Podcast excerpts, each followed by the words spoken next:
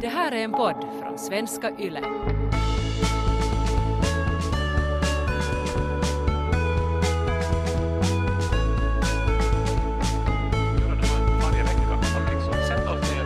varje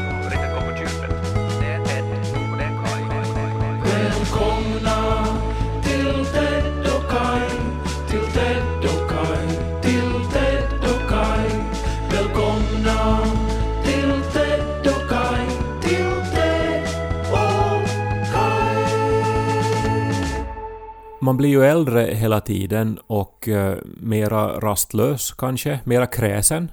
Eller hur? Man vänjer sig och blir uttråkad av saker.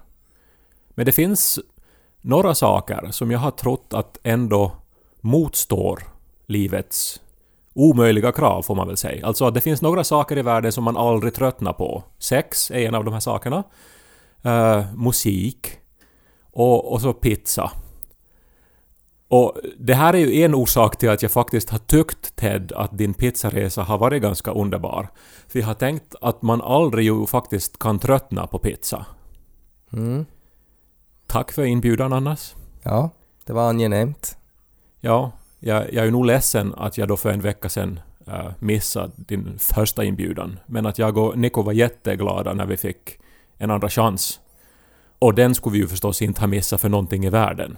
Nej. Men man märkte ju att någonting hade gått för långt. Det var ju en kärrad kvinna som släppte in oss. Härjad på helspänn. Janika då, din sambo. Och jag, jag försökte småprata med henne. Hon hade ju fyllt år och hennes föräldrar hade varit på besök och de hade lekt med Lo och haft trevligt. Gjorde pappa pizza åt mommo och muffa? sa jag till Lo och han nickade. Pappa gjorde 14 pizzor, sa Lo. Och jag skrattade hjärtligt åt din sons skämt. Oj, det var många pizzor, skrattade jag. Tills jag såg Janikas skärrade blick. Du kanske inte märkte det här för du höll på i kylskåpet. Och jag vet inte hur det var möjligt för den här degburken som du tog ut ur kylskåpet, alltså jag svär, alltså den var alltså större än själva kylskåpet. Och, och, och det är ju omöjligt, men, men det var så. Och inuti det här jäskärlet då så fanns degarna då, runda vita klumpar. Och när du rörde i dem så gick en stöt genom mig. Att jag visste att jag har ju haft fel. I alla de 25 år som jag har känt dig har jag haft fel. Du kan visst visa ömhet.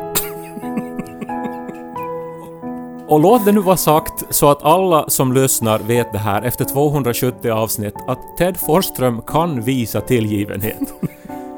Jag hade bara aldrig sett det förr eftersom jag inte är en kalljäst pizzadeg.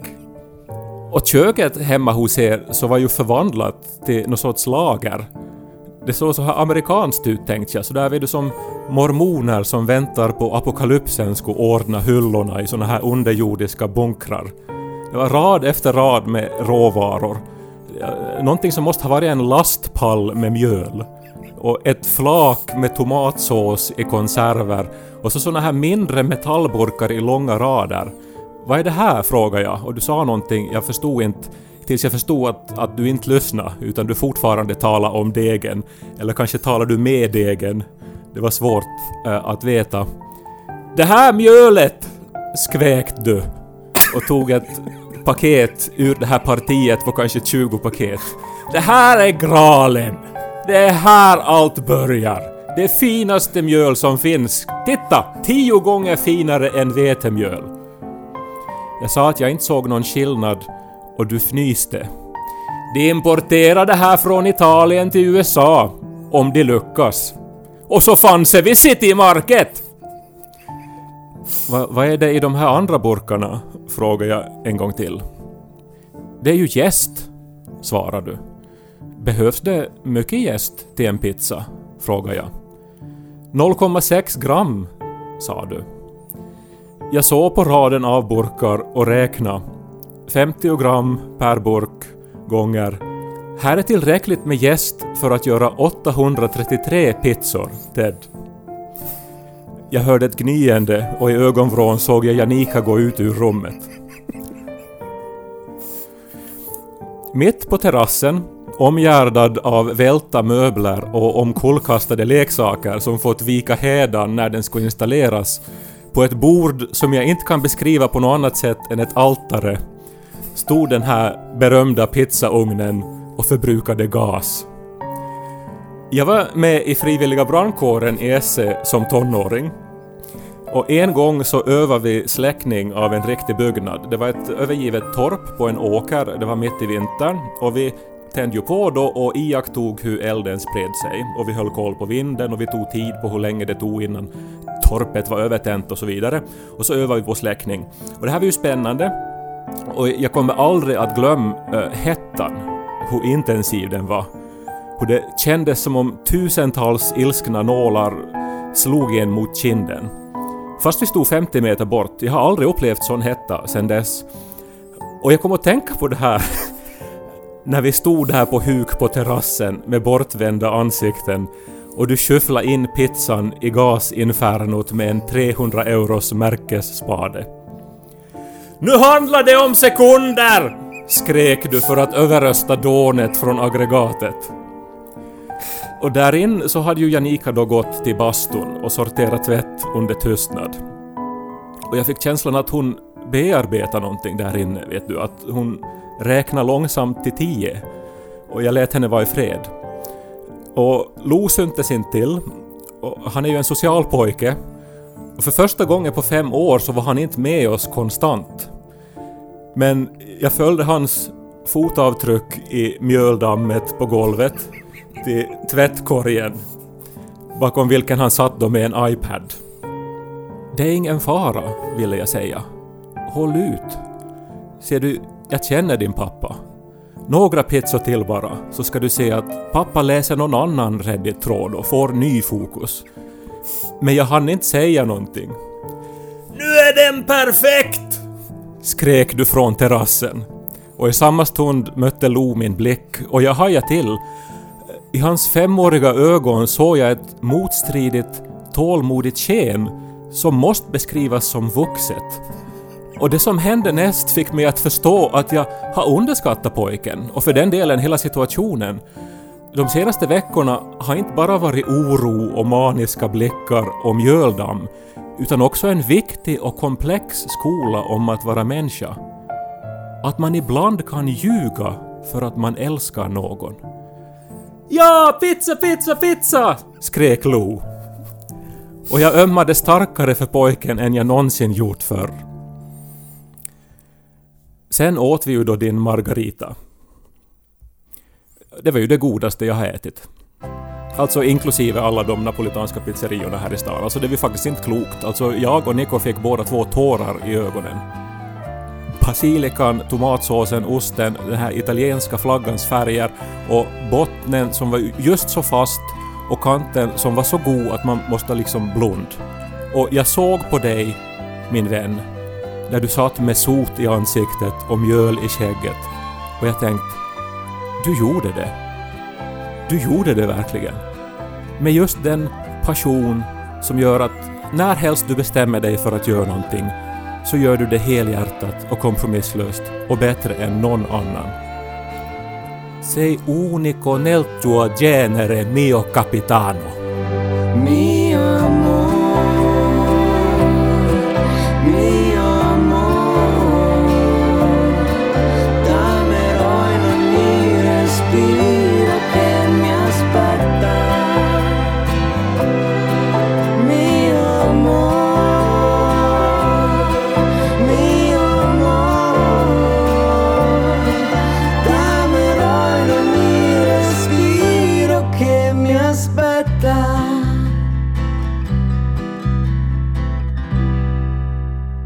Jag är ju lättad, Kai. För jag måste ju nog säga att jag har ju varit nervös. Alltså att, att, att då när ni kom i söndags uh, så, så man, man märkte ju att det fanns det fanns liksom en barriär mellan oss som, som det inte brukar finnas. Uh, och att det fanns någonting i luften och att det, det kändes som att som att man har kommit för en skild uppgift. Ungefär som att jag, jag, liksom, jag sitter i elektriska stolen och, och du har kommit dit för att kanske dra i spaken. det, det är ju en makaber jämförelse. Ja, men det, det, det blir Eh, ju det så. är ju du ändå som har, som har så att säga satt dig själv på schavotten här. Ja. Alltså på Ja, ja. avrättningsplatsen. Ja, men För det... att du har ju hypat det här nu så, så mycket och så länge. Mm. Så att eh, du har ju orsakat ditt eget lidande här. Men det är ju också, eftersom jag vet också din inställning till, till de flesta saker jag sysslar med och när jag också medvetet väljer att hypa någonting och säga att det här är jättebra, så även om det skulle vara liksom helt neutralt så skulle, så skulle det vara en uppförsbacke att få dig att tycka om det. Så att det, det är inte liksom bara att, att, jag, att det ska liksom förvänta hypen utan att det ska också komma förbi liksom Kai-filtret. Ja, men ändå är det ju pizza. Alltså det skulle vara en sak om du plötsligt skulle ha blivit helt besatt av att koka inälvor. Vet du? Nej, att men- nu, nu, nu Kai, du vet inte hur gott det är med njure. Och sen så, då har du ju ändå en, en, en uppförsbacke där. på Jag säger inte sätt. att det är samma sak som att skriva en roman. Men att man ändå så här sätter sin egen tid, man sätter ner sin själ i att producera en produkt. Du har googlat lite och gått till City Market och köpt något hypat mjöl överprisat. Och sen när man, när man då erbjuder den här slicen att vara så god, så, så det är ju lite samma känsla som, som när man väntar på att, att, att, att ha kritikerna läst boken. Ha, ha, kommer det att vara en recension av, av min pjäs? Eh, att det är, ju, det är ju liksom en sån här en, en jättekomplex känsla som har ett, en, ett omedelbart resultat. För att det är ju så fort man tar den där första tuggan så ser man i ögonen och hur det kändes i kroppen för den människan. Och jag såg Ja. ju, jag såg ju att, jag såg ju att den fick godkänt. Och, och det var, då, då försvann liksom den här, det här miasman som fanns runt oss. Miasman. Ja, eh, miasma, är det inte som någon sorts så här konstig rök eller, eller så här mörker? som fanns mellan oss. Ja. Jag, jag har aldrig hört det här ordet tidigare, men uh, miasma, ja alltså det, det, det Alltså eh, det var ju ett sånt här, en, en, en utmaning, en spänning som släppte. Och det bästa var ju att jag såg ju på Nico också att han tyckte jättemycket om den här pizzan. Ja men Niko är jättekritisk till pizza alltså, och, och han, var, han var verkligen imponerad, Ja. Ja, och, och, och det kändes på något sätt så extra bra för att jag vet ju att, att att med dig så skulle det ändå ha kunnat finnas risken, alltså att även om du skulle ha tyckt att den här pizzan var jättegod så skulle det ändå ha kunnat vara sådär att Nå ja, för att det är ändå bara pizza liksom, att man kan inte liksom tycka så mycket om det, men att om jag också skulle få Nico uh, övertygad om att den här pizzan är bra så vet jag liksom att då, då, det, det skulle ha räckt för mig. Problemet är ju här nu att vi pratar om en pizzarestaurang som ingen kan gå till. Alltså du borde ju nu, åtminstone för en tid, ha någon sorts pop-up pizzarestaurang någonstans dit alla som lyssnar... Alltså för att, jag menar, ni borde ju få smaka den här pizzan allihopa. Ja men här är ju hela min poäng, hela budskapet med pizzaresan 2021 är att det är ingenting unikt med den här pizzan som jag gör. Vem som helst kan göra den här pizzan. Så länge du har bra mjöl, så länge det jäser ordentligt och så länge du kommer upp i en temperatur på 400 grader så kan vem som helst göra det. Så länge du har en otroligt tålmodig familj, en överdimensionerad terrass och typ 3000 euro att skaffa råvaror och specialdesignade spadar, så är vem som helst välkommen. Mi amor, mi amor.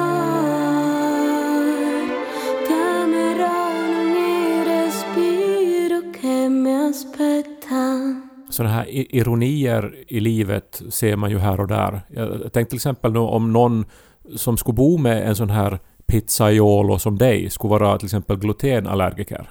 Mm. Eh, Det skulle vara tragiskt på många sätt.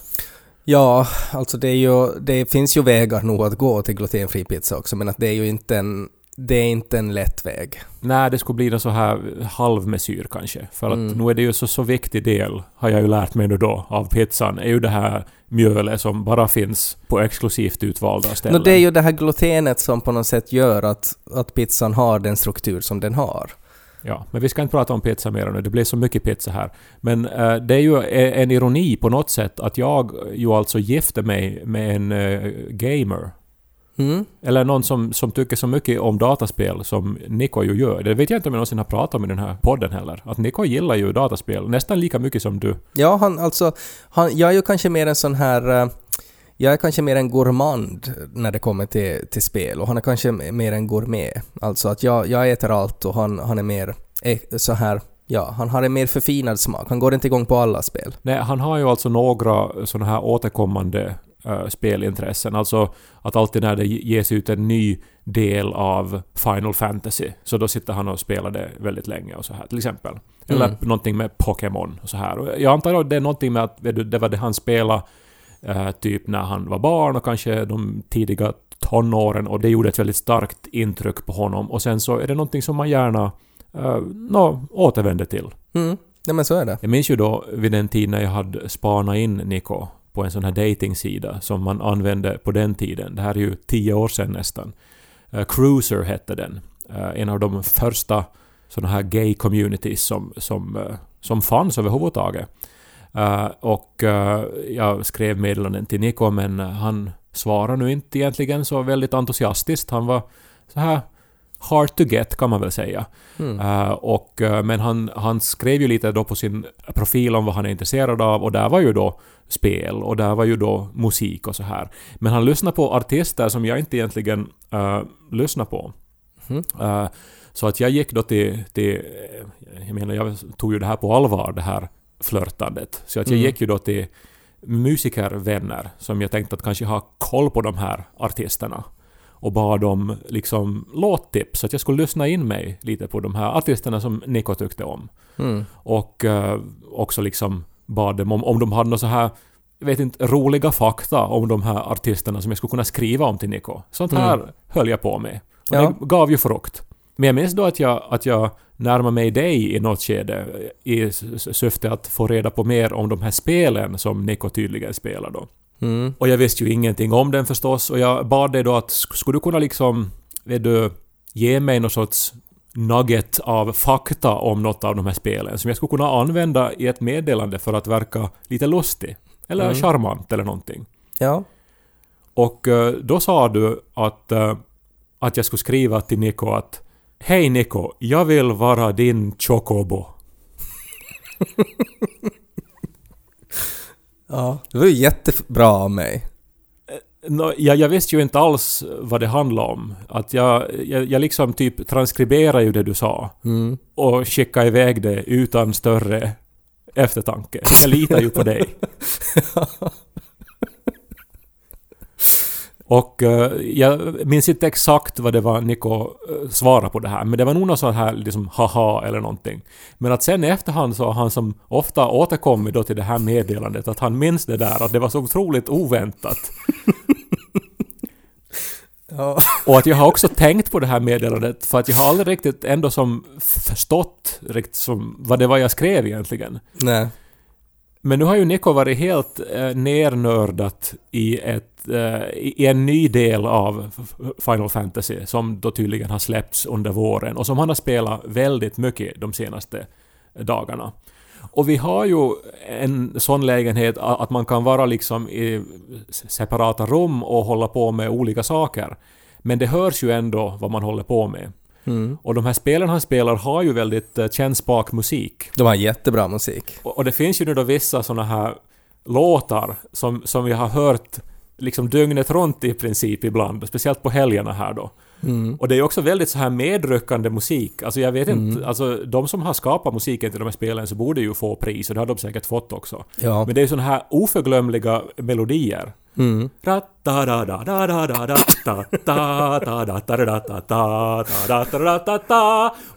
Och Till exempel. Dygnet runt. Och en gång så gick jag ju då, möjligen också för att säga att han skulle vrida ner volymen lite grann, men då för att titta nu då vad Nico höll på med. Och eh, jag hörde ju då just den där musiken jag nämnde och sa då, för att verka kanske som en intresserad man, att, att vad, vad är det där för musik annars? Vad, vad, för att den återkommer då och då. Mm. Och så sa han, ja men det här är ju Chocobo-musiken. och så, jaha, okej. Och eh, så ser jag då vad han håller på med. Alltså han rider på någon sorts få, någon sorts struts, eller vad är det? Någon Ja. fågel. Ja, det är en stor, en stor gul fågel. En stor gul fågel som han rider på och så har det den här hysteriska musiken. Och den här fågeln är alltså Chocobon. Först, förstår jag då ett decennium senare. Och det är ju det som är det fina med att flörta. Att du skrev åt Niko att du vill vara hans chocobo och att det betyder att Niko skulle, skulle rida dig till tonerna av Jag ville ju vara sexy och inte obehaglig. Det är ju jätteintressant uh, att, att, att flirta uh, när man ju egentligen, alltså det du gjorde mot Niko var ju att du ljög ju för honom, alltså att du använde en kunskap som inte du egentligen besitter för att närma dig honom, för att imponera på honom, för att framstå Ja. på ett mer positivt sätt än vad du egentligen är i verkligheten. Jo, jag tror ju att jag nog som skrev det, så det uppenbart var med glimten i ögat på något sätt. Mm. Och att eh, det var väl som alltså en sån här lekfull tid när vi liksom skrev lekfulla saker då till varann. Mm. Uh, men du har alldeles rätt och, och jag menar det är ju inget som, som jag skulle göra i efterhand för att man kan ju bara råka ut för, för problem om man som ger en... Alltså eh, att om jag nu som ger bilden av mig själv att jag älskar ett band till någon Mm. Eh, Så det, det kan ju bara komma dåligt av det. För att sen i något skede om ett år så hamnar vi in i en eh, diskussion och så visar det sig att jag inte vet absolut någonting om det här bandet, att jag hatar deras musik och så vidare. Mm. Jag menar, det, det, det är ju en social katastrof i så fall. Jag tror man kanske tänker att sen när man har kommit till det skedet så då, då är man redan ihop och att det där skulle inte räcka att det skulle ta slut sen. Och då har man liksom uppnått det här målet, att då fick man den här människan man ville ha och då är det liksom, då gör det ingenting om det där skulle komma fram. Ja, och dating förstås är ju ett enda ljugande för man framhäver ju sina positiva sidor och eh, försöker ju göra allt för att dölja eh, allt annat då. Mm. Jag vet inte liksom när den här magiska punkten inträffar, när man första gången vågar låta de där fasaderna rämna. Att man liksom Mm. visar någonting som man har dolt. Det är ju ett ganska tråkigt tecken på att den här initiala glädjefyllda fasen kanske håller på att eh, för- förvandlas till någonting annat. Men det är ju också ett tecken på stort förtroende. Ja, exakt. Alltså att det kan ju också vara ett tecken på att... Alltså för många gånger så handlar det ju om en osäkerhet. Alltså att jag är rädd att jag själv, som jag är, så det duger inte. Därför måste jag förmedla att jag också spelar. För att det att jag inte spelar, så det duger inte. Uh, och och, och då, då liksom gör man sig till någonting annat än vad man är, som bottnar i en osäkerhet. Um, så när man kommer bort från det så kan det också vara en positiv sak att nu behöver jag inte nu kan jag vara mig själv. Nu behöver jag inte vara rädd för att jag inte skulle duga. Och det där är ju jättestörande, alltså att flirt överlag utgår från det där att man inte duger som man är och därför så måste man på något sätt hitta på andra egenskaper hos sig. Det där är en grej att det, alltså jag har många vänner som är så här som har varit singlar länge och som gärna är det också och som ofta pratar om hur roligt det är att vara singel och det, det tror jag helt säkert att det är och jag önskar ju den bara gott förstås. Men personligen skulle jag bli galen på det där att hela tiden vara i den där inställningen att man måste hela tiden framstå som underbar och åtråvärd och så nära perfekt man bara kan komma. Alltså det är ju otroligt ansträngande. Men man kan ju också vara sig själv och på något sätt uppvisa att what you see is what you get. Och då, det behöver ju inte vara ansträngt heller att vara singel, utan att man kan ju vara väldigt ärlig och öppen också. Ja men nu är det ju alltså för de här, alltså nu säger jag inte att, att det bara handlar om att vilja knulla så många olika människor som möjligt, men för många så verkar det ju ändå vara det som det på något sätt handlar om, att man vill ha mycket sex med många olika människor. Mm. Och det kräver ju att man på något sätt ser ut på ett visst sätt, att man lägger otroligt mycket tid på sitt utseende och på att då framstå just som den här som så många som möjligt då ska vilja ha sex med. Mm. Och klart att man vill vara sexig för sin partner också, men det är som en annan sorts sexighet och andra krav i det skedet. Och jag skulle inte personligen orka med den här charaden att liksom år efter år efter år måste upprätthålla någon sån här evig ungdom, ferilitet eller fysisk attraktionskraft. Nej men jag, jag, jag håller helt med. Alltså skulle jag vara i den situationen så, så, så, så tror jag, jag, jag hoppas att jag aldrig hamnar i den situationen för att jag skulle inte heller orka det där. Uh, och man vet ju inte då. Alltså, om det är så världen funkar, att för att, för att på något sätt hitta någon så behöver man vara mer än vad man är. Så om man sen inte orkar det, skulle det då leda till att man ska sen där sitta ensam? Så det skulle vara jättejobbigt om det är så. Men det beror på var man är och var man söker. Är man på sådana ställen, är man på hemsidor där, där singlar träffas eller på nattklubbar, så då på något sätt förväntas det att man visar sitt bästa. Men man kan ju hitta människor också på andra ställen där det inte finns sådana förväntningar. Sen är det ju en konst att hitta den här exakt rätta nivån av flirtenergi. Att om du nu första gången som Janika var hem till dig skulle ha gjort den här margaritan så ja, hon skulle ha fått en bra pizza, men jag tror nog att hon skulle ha blivit illa berörd av det här råvarulagret, den här maniska blicken och den här infernovärmen som spred sig runt om i lägenheten. Jag tror jag bjöd på tacobåtar första gången hon var hem till mig. Det har man inte ätit på länge. Nej. Nej men det finns en orsak också varför man inte gör det för att eh, de här tacobåtarna är liksom, de är både, de är väldigt klottiga eh, och sen är det, alltså det bildas väldigt mycket gas också. Eh, och att det blev en ganska så här lidande kväll. Alltså sådär att när man man på något sätt är intresserad av någon och man känner inte någon så jättebra och att man, det finns liksom vissa barriärer man inte vill gå över och man vill liksom hålla upp diskussionen och vara jättetrevlig och sådär men att sen i ens inre så pågår det uh, saker som skulle behöva komma ut och att, att man, eh, man försöker undvika det till alla odds. Då blir det ganska ansträngt. Det här är ju grundkurs i dejtande mellan män förstås, att man, man äter ju inte kryddstarkt och sånt som lägger igång matsmältningen Nej, om man ska på dejt. Nej. Men du gjorde alltså då inte efterforskningar i Janikas intressen och var så här att okej, hon gillar Thomas Ledin. Då ska jag liksom veta allt om Thomas Ledin tills nästa gång hon kommer på besök. Nej, men för jag, jag, jag kände ju henne i verkligheten så att det fanns ju ingen så här, det fanns ju ingen så här lista med intressen och sen var hon också väldigt mystisk så att det var också jättesvårt att, att på något sätt sätta fingret på vad hon gillar. Eh, så så det, det gick, jag kunde inte liksom närma mig henne via det utan att jag måste på något sätt förlita mig bara på min egen personlighet. Men då var det ju jättetur att jag var så otroligt rolig och att det på något sätt räckte då. Men att vara rolig kan ju också förstås vara ett sätt att dölja vem man verkligen är. Mm. Att eh, sen är ju då den där händelsen, eh, som, alltså då när man första gången inte orkar vara rolig, utan orkar på något vis vara sig själv utan humorlagret. Men då, ska man, då har man varit tillsammans så länge så sen orkar man inte göra slut något mer. Men skulle jag idag inte känna Janika eh, och, och vilja flirta med henne så skulle jag ju antagligen använda mina pizzakunskaper nog på något sätt men att jag skulle inte liksom, jag skulle inte skylta med det för mycket utan att jag skulle kanske så här skicka någon rolig bild där man ser i bakgrunden att det står en, liksom en perfekt napolitansk pizza på köksbordet. Eh, men att det är inte liksom budskapet utan att sen så skulle hon kunna vara sådär att ja, det blir pizza och så, så är det sådär att ja, ja, jag slängde ihop en sån här äkta napolitansk pizza. Inga konstigheter.